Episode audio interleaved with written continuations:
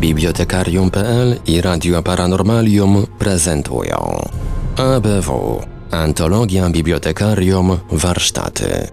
No i właśnie tutaj, właśnie teraz zaczynamy prawdopodobnie ostatni, już tak naprawdę ostatni wakacyjny odcinek ABW. Antologia Bibliotekarium Warsztaty, czy też raczej Antologia Bibliotekarium Wakacje. Przy mikrofonie za starami technicznymi audycji Marek Sękiewelius, a po drugiej stronie połączenia internetowego, jak zawsze gospodarze Bibliotekarium Marek Żelkowski i Wiktor Żywkiewicz, którzy troszeczkę bardziej optymistycznie patrzą w komentarze pod y, lipcowymi wydaniami ABW, bowiem jak się okazało, jakieś komentarze wbrew temu, co dwa tygodnie temu Marek z przerażeniem stwierdzał na antenie, jakieś jednak się komentarze pojawiły, prawda Marku? No pojawiły się, pojawiły, no co, co mnie napawa jednak pewną radością, że, że, że, że ludzie jednak postanowili komentować to, co słyszą na antenie. Wiesz, bo, bo ludzie to są jak ten. Wiesz, kiedy się poznaje, czy ktoś umarł, dopóki się rusza, czyli dopóki daje sygnały, czyli dopóki komentuje, to znaczy, że żyje. Czyli ludzie jeszcze żyją na świecie, bo jeszcze czytają, słuchają i komentują.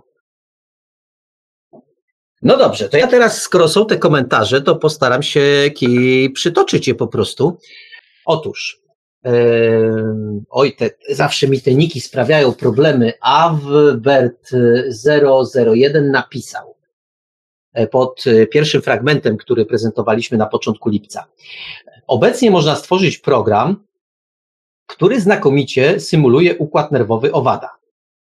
Nie zgodzę się z Wiktorem, że od umysłu ograniczonego do struktur logicznych, tworzonych przez człowieka, jest taka wielka przepaść. Ale to jest temat na długie i jałowe dyskusje przy piwie. Zgadza się, szczególnie jeśli chodzi o, o piwo. Tezę, o piwo. O piwo. Tak. Ja powiem tak, to e, może rzeczywiście to jest czas na długie, na długie dyskusje, tylko e, troszeczkę jest pułapka z tym, z tym argumentem o można stworzyć program, który znakomicie symuluje układ nerwowy owada. Owszem, owszem, układ nerwowy jak najbardziej, mniej lub bardziej realistycznie, ale tak. Tylko nie zapominajmy o jednej rzeczy, że e, symulowanie układu nerwowego, który zawiaduje na przykład y, y, funkcjami życiowymi organizmu, to jest troszeczkę coś innego niż symulowanie świadomości. To, tak jak napisał nasz, y, napisał nasz słuchacz, to rzeczywiście jest temat na długą dyskusję. Taką dyskusję toczyliśmy między innymi, e, między innymi w Nienidzicy, czy, czyli w Mierkach i tam troszeczkę na ten temat mówiłem. A myślę, że najbliższy, w najbliższym czasie e, będę mówił na ten temat, czyli na temat transferu świadomości e, do sztucznych struktur na Kopernikonie, na który zapraszam pomiędzy 13 a 15 dniem września będę, będę miał tę przyjemność wystąpienia. Jeszcze nie wiem, którego dnia konkretnie, ale będę, będę miał tę przyjemność mówienia o tym, bo rzeczywiście, tak jak powiedział słuchacz, mm, napisał słuchacz, e, to jest problem skomplikowany, ale w gruncie rzeczy nie aż tak bardzo, bo pewne logiczne konsekwencje wynikają właśnie z tego, co napisał, że my rzeczywiście taki y, układ y, symulujący, co ta stymulacja mi wchodzi, symulujący, y, symulujący pewne zachowania jesteśmy w stanie, w stanie stworzyć, ale już układy, które są świadome, to nie za bardzo. My rzeczywiście możemy tworzyć układy, które udają, że są świadome, a to zupełnie inna para kaloszy. Marku, mam świetny przykład. Według mnie wpadłem na absurdalność yy, yy, tego, co potrafi ewentualnie symulować sztuczna inteligencja. Otóż, ty, Marku, choćbyś nie wiem, wcale nie będąc sztuczną inteligencją, ale zwykłą, normalną i to całkiem porządną inteligencją, nie jesteś w żaden sposób w stanie napisać powieści, którą ja napiszę. I to dokładnie tak samo ja nigdy w życiu nie napiszę powieści takiej, jaką ty napiszesz. Ale pełna zgoda, Wiktorze, ale jest jeszcze za tym wszystkim coś jeszcze stoi. Od, gdybyś przyszedł na mój, a tu mhm. się muszę pożalić Państwu, to zaraz będę się żalił. Gdybyś przyszedł na moją prelekcję w Mierkach, to byś wiedział, że jest jeszcze, za tym kryje się jeszcze jeden paradoks. Otóż, ja wiem, że jestem świadomy, ale czy ty jesteś świadomy, to wiesz ty. Ja tego nie wiem. Przede mną siedzi facet, który zachowuje się tak, jakby był świadomy, ale czy tam w środku jest ktoś, tego na 100% nie mogę stwierdzić. Mogę, y, mogę na zasadzie Sherlocka Holmesa, e, stosując metodę dedukcji, wnioskować, no tak, tam musi siedzieć ktoś świadomy, musi tam być świadomość, ale pewności nigdy mieć nie będę. I teraz wyobraźcie sobie Państwo, że zaczną powstawać struktury sztuczne, y, które będą udawały świadomość.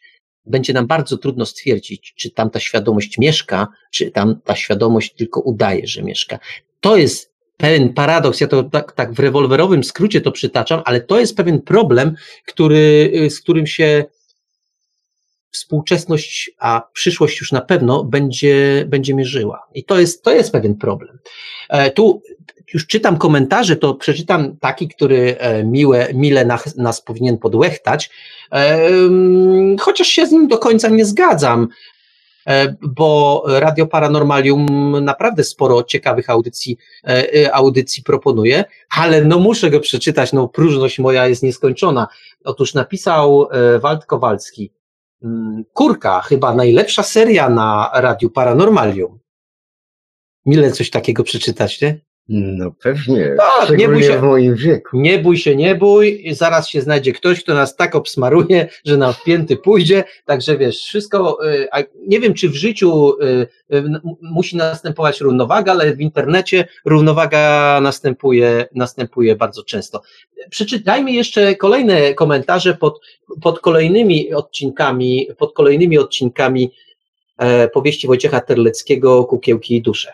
Otóż pod fragmentem drugim czytamy, e, no, taki prosty komentarz odsłuchane, dziękuję, bardzo ciekawe opowiadanie, pozdrawiam. To Danuta Dyzio. E, cóż jeszcze? No to poczytajmy, co, co mamy jeszcze. Mamy jeszcze dłuższy komentarz. Świadomość to tylko narzędzie umysłu. To znowu Albert 001, znany z pierwszego komentarza. Świadomość to tylko narzędzie umysłu to efekt uboczny analizy danych powstała dzięki opanowaniu języka i możliwości opisu obiektów. To taka hipoteza literacka bez możliwości przeprowadzenia procesu dowodowego. O, bardzo dobrze, to znaczy, że nasz słuchacz świetnie to rozumie. Rzeczywiście, yy, tak to wygląda. Yy, tu oczywiście jest pole interpretacji bardzo szerokie. Czy to jest, czy świadomość jest efektem ubocznym e, tego, co napisał nasz słuchacz? Bywa to tak interpretowane, ale można też przytoczyć inne hipotezy. To nie jest rzecz prosta i jednoznaczna, e, bo znowu i cały problem się pojawia w przypadku człowieka, problem polegający na tym, że my mamy dwa w jednym. Mamy z jednej strony inteligencję, z drugiej strony świadomość. Większość ludzi tego nie odróżnia. W ogóle nie zastanawia się nad tym, że inteligencja to jest coś zupełnie innego niż świadomość a warto to o tym pamiętać. Jeżeli czytaliście e, Państwo takie, takie utwory literackie, jak chociażby Ślepowidzenie, to tam mamy do czynienia z pewnymi tworami, które są inteligentne, naturalnie inteligentne, ale nie mają świadomości to wcale nie jest oczywiste, że ktoś inteligentny musi mieć świadomość, dlatego ta przewidywana i ta obecna, ale szczególnie ta przewidywana sztuczna inteligencja, my ją bardzo często kojarzymy z taką refleksyjną sztuczną inteligencją. A żeby być refleksyjnym, to trzeba mieć świadomość, bo y, Pewną ważną cechą sztucznej inteligencji jest to, że ona się potrafi uczyć, ale żeby się uczyć, znowu niepotrzebna jest samoświadomość, świadomość w ogóle. Więc to, to mówię, y, ponieważ w bardzo rewolwerowym skrócie staram się o tym mówić, to, e, to, to pewno nie jest przekonujące. Jeśli jesteście Państwo zainteresowani taką audycją o, o sztucznej inteligencji, o, o świadomości, a to możemy taką audycję, audycję zrobić, szczególnie, że kilka książek na ten temat się ukazało, ale to musicie nam Państwo napisać, czy w ogóle taki temat, taki temat poruszyć. I cóż, no, to chyba wszystko. No, Pamiętajmy o tym, że e, zagadnienia, o których, o których pisze e, Wojciech Terlecki, to na razie rzeczywiście fantastyka naukowa i to taka, moim zdaniem, moim skromnym zdaniem, taka daleko zasięgowa. My nieprędko będziemy do tego rodzaju, do tego rodzaju rozwiązań mogli się odwoływać. Wiesz, a tak myślisz, a jak, a jak ci powiem, że mnie, mnie od, od Werna, który strzelał w księżyc z działa, minęło do lądowania na księżycu ile lat? Tak, znaczy wiesz, no to tyle samo kiedy o, tym, kiedy o tym pomyślałem, przyszło mi to do głowy, że jeszcze pod koniec XIX y, wieku powstawały y, artykuły naukowe y, zatytułowane, tu cytuję z pamięci, więc mniej więcej tak zatytułowane, o tym, o tym, że niemożliwe jest stworzenie maszyny latającej cięższej od powietrza. Minęło znacznie mniej lat niż ten, w tym podanym przez Ciebie przykładzie, a rzecz stała się, e, a rzecz stała się ciałem, czyli po prostu maszyny latające powietrza po prostu powstały. Więc e, ja tutaj, e, ja tutaj mówiąc o tym, że wydaje mi się, że to jest odległa przyszłość, troszeczkę powołuje się na, ale wiem, że to złudne, powołuje się na uczonych, z którymi przyszło mi kiedyś rozmawiać. No takim, jednym z takich uczonych jest również pisarz e, SF, ale przede wszystkim człowiek zajmujący się e, zagadnieniem, czyli Konrad Fijałkowski. To był w ogóle człowiek, który był prekursorem wszystkich tych sztucznych rzeczy związanych z inteligencją, z maszynami liczącymi, komputerami, czy jakkolwiek to nazwiemy. I on mi kiedyś powiedział, wie pan, być może to kiedyś nastąpi, ale to nie jest tak, to nie jest tak, jak my sobie to przez to prosty przykład, który ty podałeś, ja podałem, wyobrażamy. Ten, ta przepaść jest znacznie głębsza. Być może kiedyś rzeczywiście dojdziemy do tego, ale to nie będzie, proszę pana, szybko. Nawet jeśli weźmiemy pod uwagę, nawet jeśli weźmiemy pod, pod uwagę, że przyrost mocy obliczeniowej yy, yy, komputerów jest tak gigantyczny, jaki jest, to mimo wszystko to, co mamy w szarej substancji, jest tak niezwykłe i tak przepastne, że jeszcze ho, ho bardzo długo. Ile to bardzo długo będzie trwało, tego nie wiem. Być może to bardzo długo, to jest 20 lat, e, być może 15, być może 10, nie wiem. Mnie się wydaje, być może to jest odruch obronny, e, reakcja obronna. Mnie się wydaje, że to może nie nastąpić nigdy. A wiesz dlaczego? Dlatego, że to jest ostatni bastion, którym e, świat ludzkiej duchowości broni się przed światem materialnym. Bo można też zaryzykować tezę, że świadomość jest bardziej związana z tym, co jedni nazywają duszą, duszą drudzy duchem. I świadomość jest z tym związana, a w związku z tym nigdy nie da się jej stworzyć sztucznie. Bo był już taki, był już taki stwórca, on stworzył raz i, i, i człowiek stwórcą się nie stanie. To tylko jedna z hipotez. Ja nie twierdzę, że tak akurat jest, ale warto też rozważyć. No ale właśnie w tym, Marku, co powiedziałeś, jest ukryta tajemnica tej ogromnej przepaści. Sztuczna inteligencja została przecież stworzona, ale do tego potrzeba było Boga. Mówisz oczywiście o naszej inteligencji. Tak, tak ale widzisz, ale to nie, Zrobiłeś teraz manewr, którego filozofowie, przynajmniej ci od czasów y, y, szkół analitycznych, nienawidzą, czyli pomieszałeś pojęcia. Pomieszałeś pojęcia i w ten sposób, y, wiesz, mityczna wieża Babel się pojawia, czyli po prostu pomieszanie języków. Nie, nie. Mówiąc o, o sztucznej inteligencji, ja mam na myśli to, co w filmie było nazywane artificial intelligence, o, mówił tak pięknie o tym tutaj Tomek Fons, kiedy, kiedy rozmawialiśmy, mm, to moim zdaniem to Artificial Intelligence nie przejmie takich funkcji. E, e, artificial. Artificial, dobrze, ja jestem zawsze upośledzony, upośledzony angielsko, więc e, artificial intelligence nie, nie, nie zyska tych funkcji samoświadomościowych. Taką, tak mi się po prostu wydaje, ale jakby mi ktoś kazał podać dowód, takiego dowodu nie ma, proszę Państwa. I znowu dochodzimy do kwestii, że w coś wierzymy albo nie wierzymy. Ja akurat nie wierzę w to, że tak się stanie. Niemniej z dziką pasją słucham y, fragmentów powieści Wojciecha Terleckiego. Ja również. I cóż, dziękujemy Państwu za ABW wakacje. Wszystkiego dobrego. A następna audycja to już zwykłe ABW, no ale niezwykłość tej audycji polega na tym, że zwykłe ABW jest równie fascynujące, co to wakacyjne. Marku, oddajemy Ci głos. Wojciech Terlecki, Kukiełki i Dusze.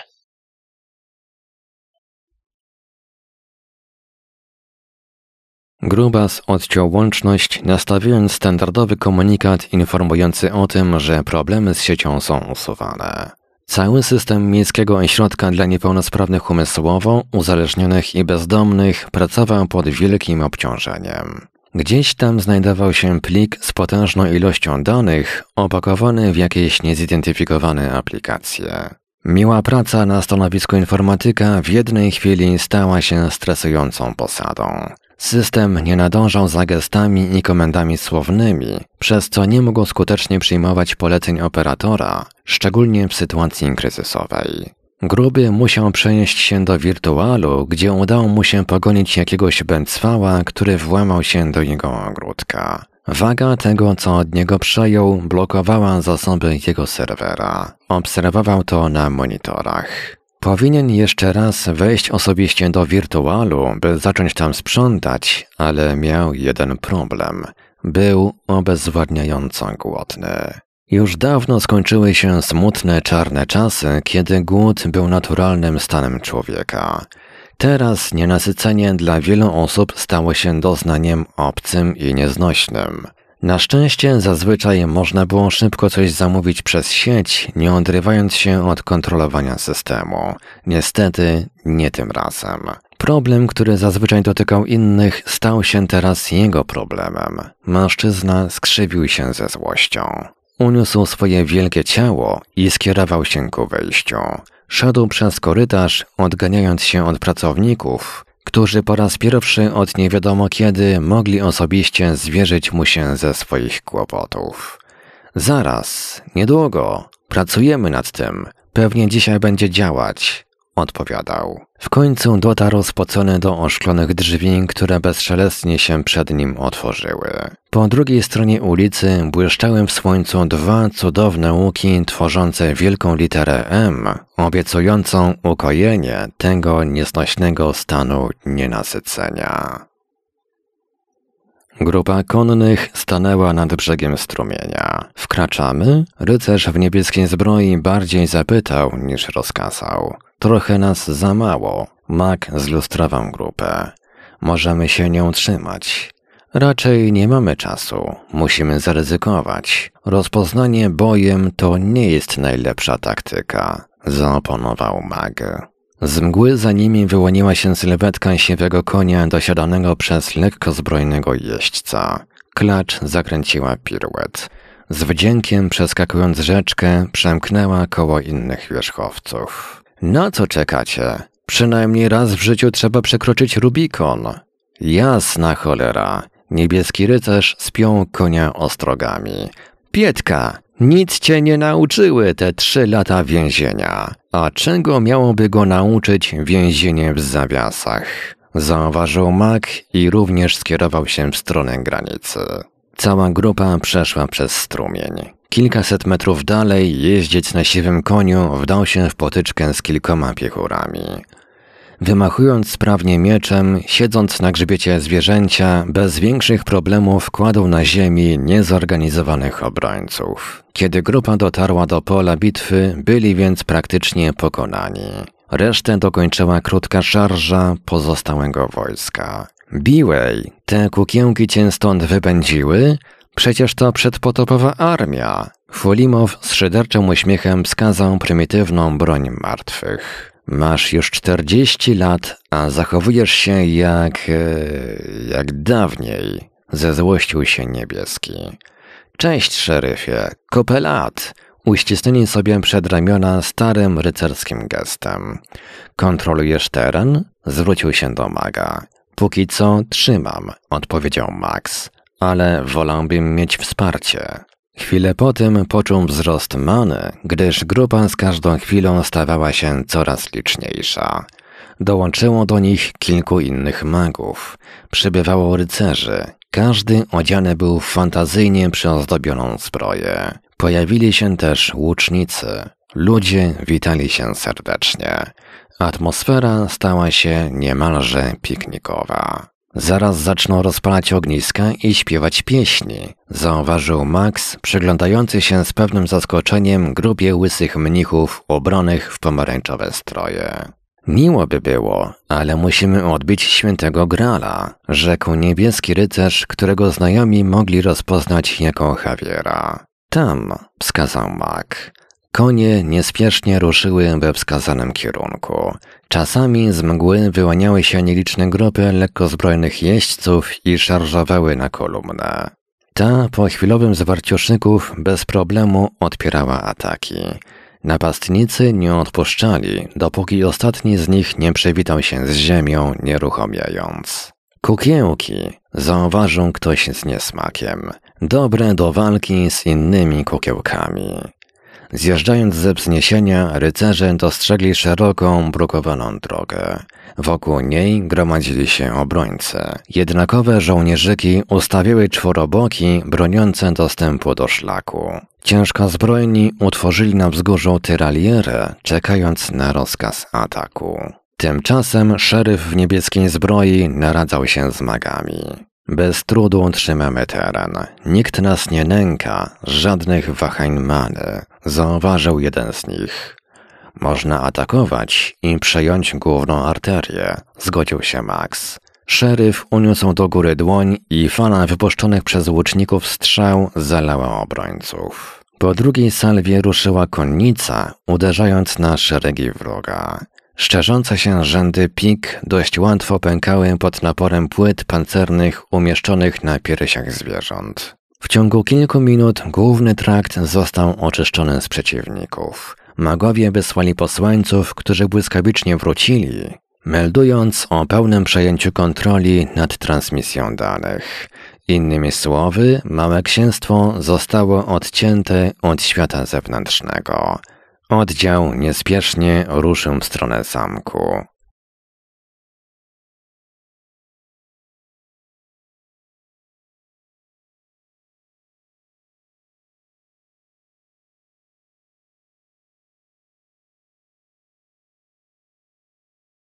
Łoże było wielkie, ale i tak trudno wierzyć, że aż tyle kobiet może je dzielić z tym jednym postawnym mężczyzną. Nagie dziewczęce ciała zdobiła biżuteria. Kobiety różniły się kolorem skóry, włosów i oczu, ale wszystkie były piękne, smukłe i bezduszne. W chwili, kiedy dusza wstąpiła w mężczyznę, ten zerwał się na równe nogi. W mgnieniu oka jego muskularne ciało okryła złota zbroja. Do komnaty wkroczyli słudzy. W jednej chwili mężczyzna zorientował się, że już nie panuje nad księstwem. Jego jedyną ochronę stanowił warowny zamek o szczelnie zamkniętych bramach, a załogę tworzyła grupa najlepszych wojów, na jakich było go stać. Wyszedł na balkon wieży. Na polach pod murami stała armia. Dość szybko zorientował się, że składała się z kilkunastu dusz i rzeszy kukieł. Jednocześnie uświadomił sobie, że przepadł. Trakt był kontrolowany przez wroga, więc nie mógł ściągnąć żadnych posiłków. Nie miał też wystarczającej mocy, by przeciwstawić się magom i odesłać ich dusze. Oczywiście spróbował, ale uzyskał jedynie poruszenie wśród czarodziejów oblegających zamek. Zorientowali się, że pojawił się gospodarz. Trzeba dowiedzieć się, o co im chodzi i pertraktować. Zadecydował pan zamku i posłał Giermka za bramę.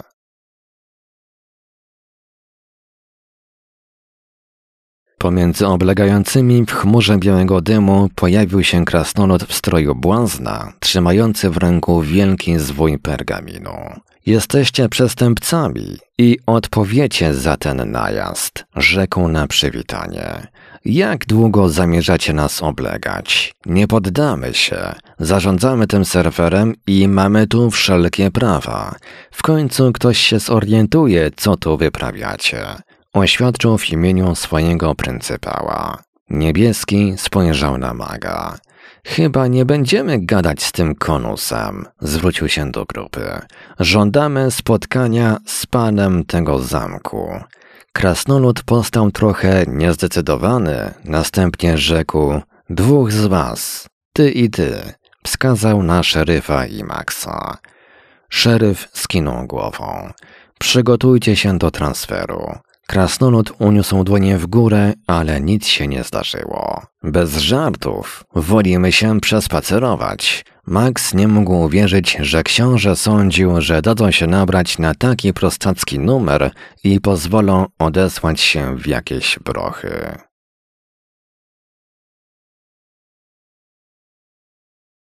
Bez dwóch zdań zamek tworzył zdolny architekt. Jego pracę mogli podziwiać, idąc wijącymi się ulicami grodu. Max, przechodząc przez wielką bramę, zerknął na fortyfikacje i przekonał się, że trudno będzie je pokonać, ale postanowił nie dzielić się zdobytą wiedzą z przyjacielem. W tej strefie na pewno każdy komunikat, jaki wymieniliby pomiędzy sobą, dotarłby do niepowołanych uszu. Pozostało im podziwianie szczegółów architektury. Nawet kukiełki były bardzo dopracowane. Mężczyźni, którzy w znacznej mniejszości zaludniali księstwo, mieli szlachetne rysy i dobrze zbudowane sylwetki. Ich mimika była bez zarzutu. Brakowało im jednak indywidualności, przez co reagowali na gości w podobny sposób. Szybko odwracali wzrok z nieukrywanym oburzeniem i wrogością. Nie lubią nas tu, zauważył z uśmiechem szeryf. Co za niespodzianka. Wkrótce wspinali się po schodach wiodących na szczyt zamkowej wieży. Miejscówka do przewidzenia. U celu dwóch strażników, których twarze dla odmiany nie wyrażały żadnych emocji, otworzyło drzwi do komnaty. Zanim do końca się rozwarły, szeryf odepchnął ich połowy i stanął przed wielkim mężczyzną, którego wizerunek mógł stworzyć jedynie ktoś ze sporymi problemami z poczuciem własnej wartości. Odetnę się i zgłaszam incydent bezpieczeństwa, zakomunikowała postać na powitanie. Ależ nalegamy. Max uśmiechnął się. Pan księstwa milczał przez chwilę. Doskonale zdawał sobie sprawę, że jeżeli rozłączy się z siecią, by wezwać pomoc, najeźdźcy bez problemu przejmą zamek zabiorą co chcą i znikną, zanim nadciągnie odsiecz. Czego chcecie? Tego, co nam zabrałeś. To jest moje. Powstało na mojej ziemi, więc ma moje pieczęcie.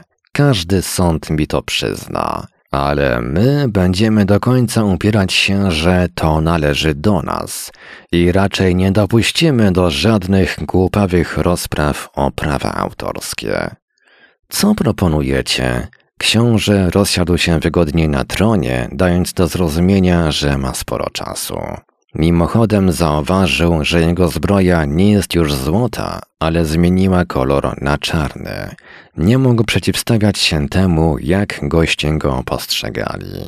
Doceniamy twoje zdolności, rozpoczął szeryf. To miejsce jest naprawdę piękne. Jego stworzenie musiało być kosztowne. Informatyk unieruchomił twarz swojej postaci, tak że nie można było odczytać, jak reaguje na słowa mężczyzny. Nie wiem, czy jesteś bogaty z urodzenia, ale na swoim stanowisku nie masz chyba tyle kasy, żeby utrzymać tę przestrzeń i tę moc obliczeniową. Do rzeczy, przerwał książę ze zniecierpliwieniem. Ten ton zirytował szeryfa. To znaczy, że okradasz instytucję, w której pracujesz, by móc walić konia do tych lasek. Zalęgła cisza. Wypierdalać. Przestrzeń wokół gości zaczęła się gwałtownie kurczyć, więc chcąc nie chcąc ich jestestwa zmuszone były wycofać się przed mury zamku. Kiedy niespiesznie zbliżali się do obozu, Max wyznał: Zawsze podziwiałem Twoje zdolności negocjacyjne.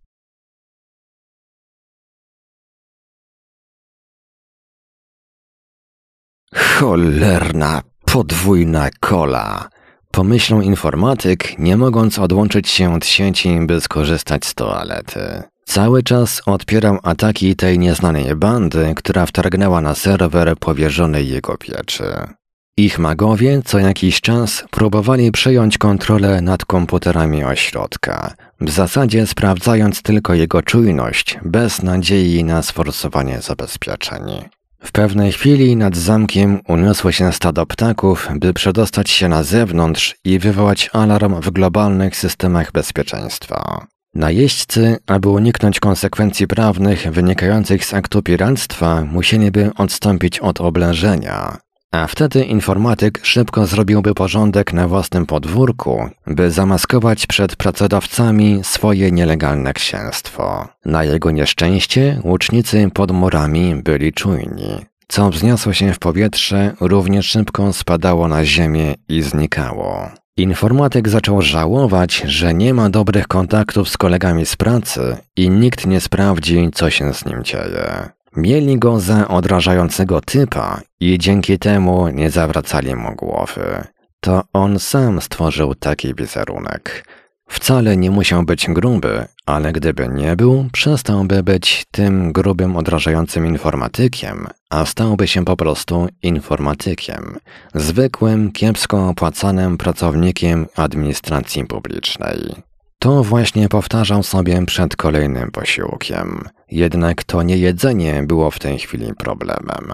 Parcie na pęcherz nie pozwalało mu na dostateczną koncentrację i odpieranie najazdu intruzów, a lekarstwo, które zażył, by skutecznie odciąć od rzeczywistości otyłe ciało i funkcjonować w wirtualu, uniemożliwiało świadome rozluźnienie zbieraczy. Grubas znał trik, który powinien pomóc mu w odparciu potrzeb fizjologicznych.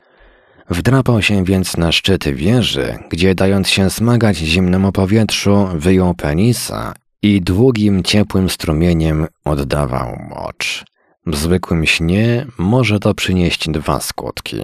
Pierwszy to zgłoszenie do mózgu potrzeby obudzenia się, drugi to zmoczenie prześcieradła. I ze względu na analogię do jego obecnego stanu na to właśnie liczył, koncentrując się na wypuszczaniu strumienia żółtej cieczy w dół po murach wieży. Nie uszło to uwagi oblegających, którzy widząc stan gospodarza podnieśli gwałtowny wiwat. Na próżno. To nie próba osiągnięcia chwilowej ulgi, ale tej długotrwałej. Zmoczenie spodni ciepłym moczem nie jest nieprzyjemne. Nieprzyjemnie robi się dopiero po jakimś czasie, kiedy płyn zrobi się chłodny. Rozdział siódmy. W sumie wolałbym mieć go już skutego na podłodze. W domu Szklarskiego rozległ się sygnał wywoławczy. Ktoś dzwoni, zawołała żona porucznika. Ten przełączył ekran z trybu 3DTV na odebranie połączenia. Jest jakieś zamieszanie w ośrodku. Mógłbyś sprawdzić? Major Lenar wyglądał na zaniepokojonego. Wyślę kogoś. Odpowiedział zdawkowo Radek. Nie lubił, jak sprawy zawodowe wkraczały mu do domu. Nie chodzi o sam budynek. Dzwoniłem do dyrektora, żeby umówić się na przekazanie danych o osobie, wiesz o kim. A on powiedział, że mają awarię systemu i jego informatyk nad tym pracuje, rozumiesz? Ten gruby. Zdaje się, że odkąd wyjechaliśmy, nic tam nie działa. Posłałem patrol policji, by pokręcił się koło zakładu, ale z zewnątrz wszystko wygląda normalnie. Wejdę do sieci i zobaczę, co się tam dzieje. Poproszę o raport, powiedział Lenar i rozłączył się. Muszę na chwilę wejść do sieci. Szklarski minął żonę i podszedł do fotela koło terminala. Słuchaj, rzadko jesteśmy w domu razem o tej porze. Przygotowałam obiad, więc liczę na twoją obecność, nie tylko cielesną. kobieta traciła nadzieję na miłe popołudnie. Porucznik skinął głową w geście zrozumienia sytuacji, po czym zakroplił prawe dominujące oko i poczekał minutę. Wkrótce zjawił się w cesarskiej strażnicy. Macie maga na dyżurze? Zapytał halabardnika. Remus, oficer do ciebie. Z wnętrza budynku wyszedł niechlujnie ubrany mężczyzna. Miał co prawda wszystkie atrybuty maga, ale bieda biła od niego w oczy. Nie mógłbyś jakoś inaczej się ubrać? Jesteś mi potrzebny. Znasz drogę do tego zamku? Pokazał mu adres serwera. Jasne. A co do stroju, to nie mamy budżetu, żeby się kreować. My tu harujemy, a to, jak wyglądamy, to wypadkowa tego, jak nas postrzegają.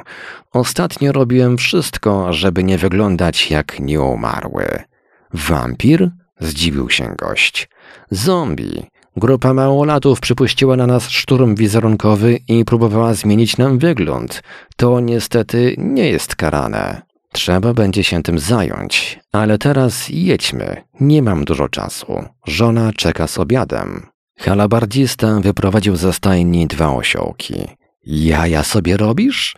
Szklarski był wyraźnie poruszony tym, co zobaczył. Są naprawdę szybkie. Tylko tak wyglądają, jak wszystko tutaj.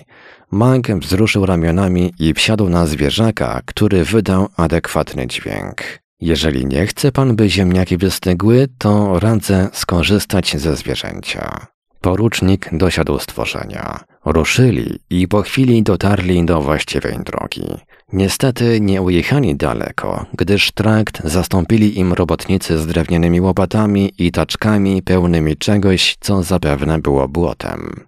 Jaśnie panowie, nie ma przejazdu, droga nieczynna. Nawałnica powyrywała drzewa i wszystko jest zatarasowane. A bokiem się nie da? Zainteresował się Szklarski, który obecnie wyglądał jak dowódca Straży Królewskiej. Bo to jaśnie panie, takie, że wasze rumaki... Tu na jego twarzy pojawił się lekki uśmiech, potopią się i zjedzą je te, no, pijawki, dodał drugi, ubobrany ziemią, kiwając głową ze zmartwienia. Ło, takie duże! Robol zaprezentował rękami wielkość zdobyczy, jakiej nie powstydziłby się żaden wędkarz. A kiedy uporacie się z pracą? Jutro będzie już dobrze. No, chyba że jakieś trzęsienie ziemi, co to je wieszcze zapowiadają.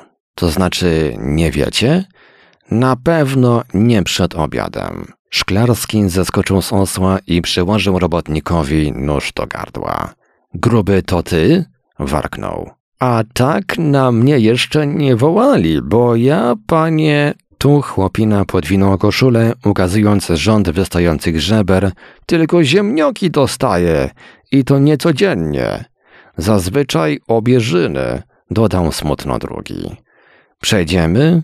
Porucznik zwrócił się do maga. Ten pokiwał głową. Już od dłuższego czasu sprawdzał przepustowość tego łącza i było całkiem zablokowane. Wracamy. Zakomenderował i wskoczył na osła. Równie szybko dotarli do strażnicy. I jak to widzisz? Wygląda na uszkodzenie łącza lub przeciążenie serwera. Jest tylko jedno ale. Tak? W takim przypadku przy drodze byłby wystawiony jakiś komunikat wygłaszany przez kukiełki, a tych dwóch to ewidentnie były dusze. Irytujące gnoje. Jak myślisz, to jacyś kumple admina? Nie wiem, pewnie tak. Chyba coś tam mocno kombinuje na serwerze. Zmienia konfigurację, pakuje dane, może coś kasuje i to tak, by nie dało się tego odzyskać. Szklarski zbladł. Nie chciał wiedzieć, co się stanie, kiedy okaże się, że wszystkie informacje o Angusie sprzed kilku miesięcy zniknęły bezpowrotnie. No to trzeba osobiście się go zapytać. Postaw wszystkie siły w gotowości, zaraz dostaniesz wsparcie. Ustawcie się z drugiej strony traktu. Nic ani nikt nie może się stamtąd wydostać. Rozkazał, po czym rozłączył się z siecią. Nie zdążył już usłyszeć, jak mag życzy mu smacznego. Lenar zawołał do komunikatora, zakraplając oko. Wkrótce na ścianie wyświetliła się postać majora. Zdaje się, że gruby chuj kasuje nasze dane. Ja jadę do ośrodka, a ty proszę daj strażnicy maksymalne wsparcie, jakie zdołasz. Tamtejszy obdartus wie co robić. Major skinął głową i rozłączył się. Pracowali razem dostatecznie długo, by rozumieć się bez zbędnego gadania i przejmowania dystynkcjami. Przepraszam, kochanie. Szklarski spojrzał na żonę, chcąc się wytłumaczyć. A jedź w cholerę. No to na razie. Samochód Szklarskiego wjechał na autostradę. Po drodze porucznik wykonał jeszcze kilka telefonów i postawił na baczność miejscowy posterunek policji. Kiedy dotarł na miejsce, kilka radiowozów otaczało teren i blokowało wjazd do środka. Dyrektor stał przed wejściem z nieszczęśliwą miną. Zapewne doskwierały mu kajdanki zapięte na nadgarstkach. Szklarski błysnął oficerowi legitymacją przed nosem i rozkazał uwolnić urzędnika. Razem weszli do środka i skierowali się na pierwsze piętro do pokoju informatyka. Nie otwiera, oznajmił funkcjonariusz. Mamy wyważać? O tak, poproszę, zirytował się porucznik. W sumie wolałbym mieć go już skutego na podłodze, ale skoro najpierw pukamy, to może poczekamy jeszcze chwilę. A ja wolałbym mieć rozkaz na piśmie. A po starej znajomości? W tym momencie drzwi serwerowni otworzyły się. Obszerna sylwetka informatyka zasłoniła całkowicie wejście do pokoju. Mogę w czymś pomóc? Zanim dokończył to zdanie, kilku funkcjonariuszy obaliło go na podłogę, lądując nadspodziewanie miękko na nim. Gdzie moje dane? krzyknął Szklarski.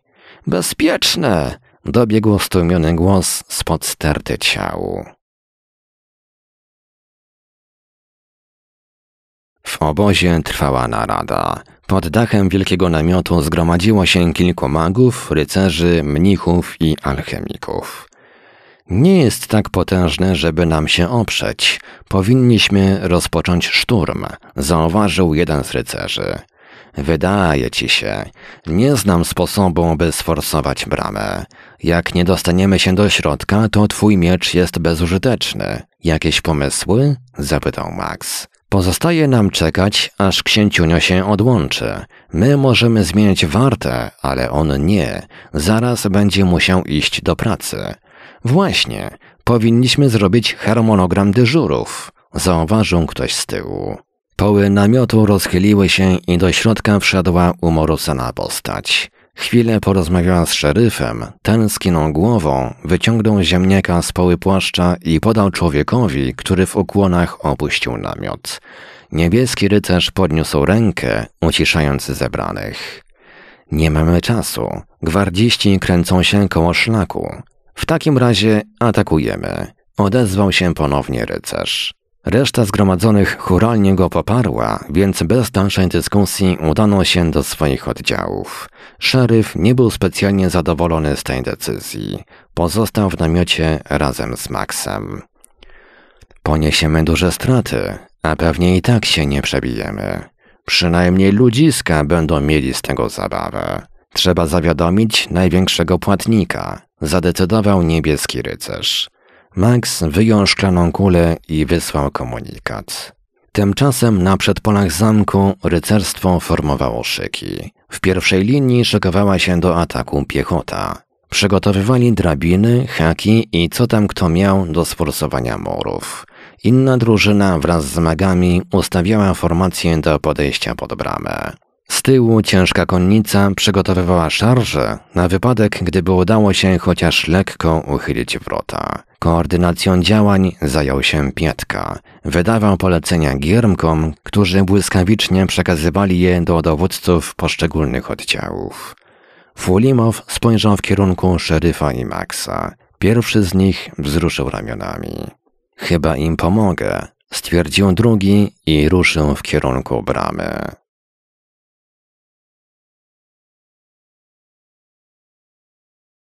Rozdział ósmy. Szybciej, wyżej, dalej. Kilka lat wcześniej. Epulos wyszedł na bieżnię stadionu. Im bliżej podchodził do stanowiska startowego, tym wyraźniej czuł wzrastające napięcie. Inni zawodnicy ustawili się już w blokach.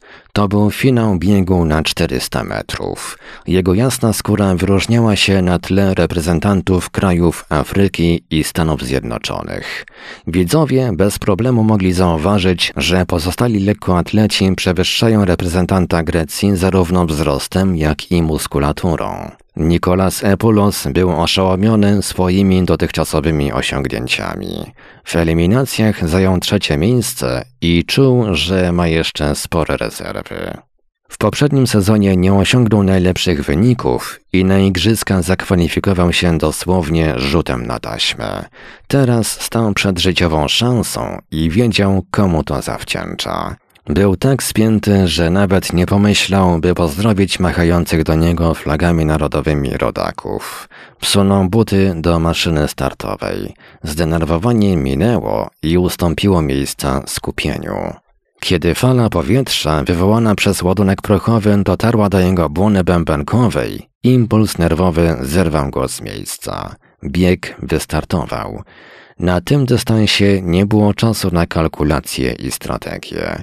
Zawodnik czuł, jak niosą go nogi. Nie dostrzegał swoich przeciwników. Jak na razie był pierwszy i kiedy tylko sobie to uświadomił, dodatkowa porcja energii dotarła do jego mięśni. Ostatnie metry przebiegł na jednym oddechu. Płuca nie dały rady dostarczyć organizmowi odpowiedniej ilości tlenu. Mózg odczuł najbardziej jego braki i dopiero po dłuższej chwili dotarło do zawodnika, że wygrał. Odbieram gratulacje. Od innych biegaczy dowiedział się, że pobił rekord świata. Stadion szalał z radości. W końcu zawodnik gospodarzy zdobył najwyższe trofeum.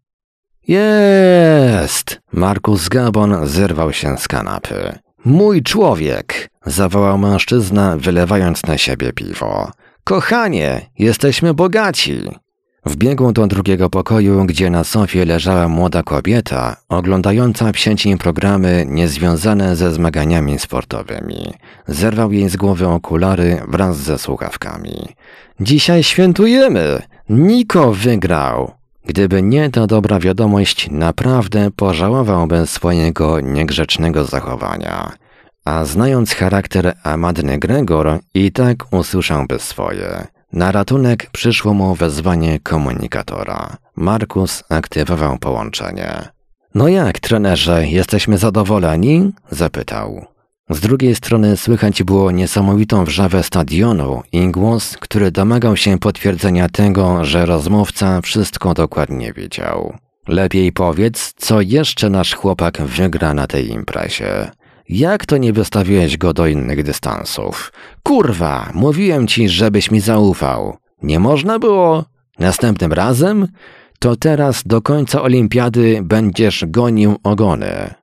Nazajutrz Bukmacher z żalem pozbył się sporej kwoty nowych eurosów wygranych przez zatrudnionego w koncernie biochemicznym młodego inżyniera. Świętowanie jednak nie trwało długo, mniej więcej do czasu słynnego na cały świat obiadu u prezydenta Grecji. Dwuosobowe zaproszenie na wspomniane przyjęcie podarował Markusowi, realizując zawartą wcześniej m.in. umowę mężczyzna, którego nazwisko pomińmy, bo to i trudno wymówić i niełatwo napisać.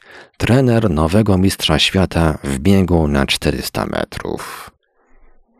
Markus, który karierę naukową zamienił na etat w laboratoriach korporacji, bardzo się nudził rutynową pracą, więc rozglądał się za innymi, bardziej inspirującymi zadaniami. Mimochodem wykorzystywał przy tym infrastrukturę pracodawcy. Efektami swojej aktywności po godzinach zainteresował trenera reprezentacji, który z przerażeniem obserwował nikłe wyniki swoich lekkoatletów. Kraj, który podnosił się gospodarczo po dziesięcioleciach biedowania w wyniku wielkiego kryzysu, potrzebował sukcesów. Jednym z nich miała być ponowna organizacja Igrzysk Olimpijskich. Sprostanie takiemu wyzwaniu i poniesienie ogromnych kosztów byłoby bezużyteczne bez sukcesów. Markus, ze względu na pracę naukową, na początku zajął się doradzaniem sportowcom w zakresie żywienia. Z czasem zaprzyjaźnił się ze starym trenerem i zaproponował mu, żeby razem podawali sportowcom eksperymentalny preparat, którego działanie sprawiało, że zwierzęta lepiej wykorzystywały paszę. Preparat był całkowicie bezpieczny, przynajmniej z punktu widzenia sportu zawodowego. Nie było na niego jeszcze testów antydopingowych, a inne kwestie pozostawały drugorzędne. Efekty przyszły dość szybko, a kadrowicze nie zorientowali się, że przyjmują nietypowe suplementy diety. Co prawda w nocy roznosiła ich energia, przez co gorzej spali, ale 10-kilometrowa przebieżka o północy w tempie 4 minuty na kilometr pozwalała ukoić rozdygotane ciała. Markus poczuł powiew geniuszu, ale równocześnie dopadła go depresja, bo wyników tych eksperymentów nie mógł opublikować. Za to nowo zatrudniony psycholog sportowy brylował w mediach, opowiadając o doskonałym systemie motywacyjnym, jaki udało mu się wdrożyć i zastosować z sukcesem podczas pracy z drużyną olimpijską. Co gorsza, ten idiota po kierunku to kształci ni to humanistów, ni to niedorobionych lekarzy święcie w to wierzył. Tylko gratyfikacja finansowa pozwoliłaby ukoić niespokojne ego Markusa. Wpadł mu w oko młody atleta Nikolas Epulos. Chłopak nie wyróżniał się niczym szczególnym, ani urodą, ani wynikami. Markus zaprosił go po treningu na piwo. Dowiedział się wtedy, że sportowiec nie ma dziewczyny i został wychowany w domu dziecka, do którego oddali go rodzice miłujący konsumpcję taniego lokalnego wina. Prawdopodobnie gdzieś tam jeszcze żyli, ale jego domem był internat. Markus skierował go na badania w ośrodku sportowym. Przy zastosowaniu miejscowego znieczulenia zrobił delikatne nacięcie na skórze jego ramienia i pobrał odrobinę tkanki mięśniowej. W laboratorium hodował te próbki, ukrywając je wśród preparatów tkanek zwierzęcych, które w założeniu koncernu kiedyś miałyby stać się pożywieniem ludzkości. Naukowiec na kilka miesięcy zamienił się w kucharza. Starał się upodobnić tkankę Nikolasa do budowy mięśni najlepszych sportowców. W końcu uzyskał zadowalający efekt. Komputer przekodował zmodyfikowany miocyt na odpowiednie cząsteczki RNA programujące białka właściwe mistrzom. Pozostało jedynie umieścić je w komórkach Nikolasa, wzbogacając włókna jego mięśni tymi bardziej wytrzymałymi, lepiej kurczliwymi, a przy tym na pierwszy rzut oka nie wyróżniającymi się spośród innych tkanek. W rozwiązaniu problemu dostarczenia ich do organizmu sportowca pomogła Amanda, młoda lekarka, której hobby było pisanie blogów i brylowanie w mediach. Podróżowała po biednych krajach świata, gdzie dzięki terapii specjalnie przygotowanymi wirusami zwalczała dręczące ludzi choroby. Metoda była prosta, opracowana pod koniec XX wieku. Wystarczyło zapakować odpowiednie cząsteczki leków do osłonek wirusów działających jak małe wozy bojowe piechoty i wysłać je na pole walki. Porcja takich transporterów trafiła do Markusa. Ten, jak doświadczony kucharz, zamieszał je w jednej kolbie z wyprodukowanymi przez siebie cząsteczkami RNA, niejako uzbrajając pociski. Teraz pozostało wprowadzić je do organizmu zawodnika. RNA, niesione przez wirusy, zostało wprowadzone do komórek mięśniowych sportowca, gdzie zapoczątkowało produkcję nowych białek, zmieniających oryginalne, zaprogramowane przez rodziców sportowca włókna na nowe, szybko i efektywnie kurczliwe. Na początku Nikolas miał trochę podwyższoną temperaturę, ponieważ niepotrzebnymi już osłonkami wirusów zajmował się układ odpornościowy. Trener został jednak poinstruowany, że teraz powinien zwiększyć chłopakowi intensywność treningu, by jak najszybciej budować nową masę mięśniową. Miernikiem sukcesu były bóle zwane zakwasami, które świadczyły o tym, że stare, słabsze komórki ulegają uszkodzeniom, robiąc miejsce dla swoich silniejszych następców. I tak oto stworzono pierwszego człowieka z zaprojektowanymi mięśniami szkieletowymi. Kuracja zakończyła się na dwa miesiące przed rozpoczęciem Igrzysk Olimpijskich. Specjalne suplementy diety pozwalały zawodnikom wykorzystywać więcej energii z dostarczanego pokarmu. To wszystko, co można było zrobić dla sportowców. I udało się. Greccy atleci uzyskali lepsze wyniki od oczekiwanych przez bookmacherów. Reprezentacji udało się nawet zdobyć kilka brązowych medali, z czego korzystał Markus z dnia na dzień powiększając stan swojego konta bankowego. Ukoronowaniem sukcesów reprezentacji było złoto uszlachetnione rekordem świata w sprincie na 400 metrów. Najpiękniejsza chwila w życiu partnerki Markusa, Amandy Gregor, najurodziwszej lekarki rezydującej w Grecji, sławionej udziałem w licznych akcjach humanitarnych, szybko zmieniła się w dramatyczne doświadczenie. Nic to jednak wobec przemiany, jaką przeszedł gość honorowy przyjęcia na swoją cześć. I na tym, drodzy Państwo, kończymy prezentację wybranych fragmentów powieści Wojciecha Terleckiego Kukiełki i dusze. Kończą się bowiem wakacje w ABW. Za dwa tygodnie zabieramy się do ostrej pracy, zarówno pisarskiej, jak i lektorskiej, a więc do usłyszenia, no i połamania pióra wszystkim piszącym. Bibliotekarium.pl i Radio Paranormalium prezentują ABW Antologia Bibliotekarium Warsztaty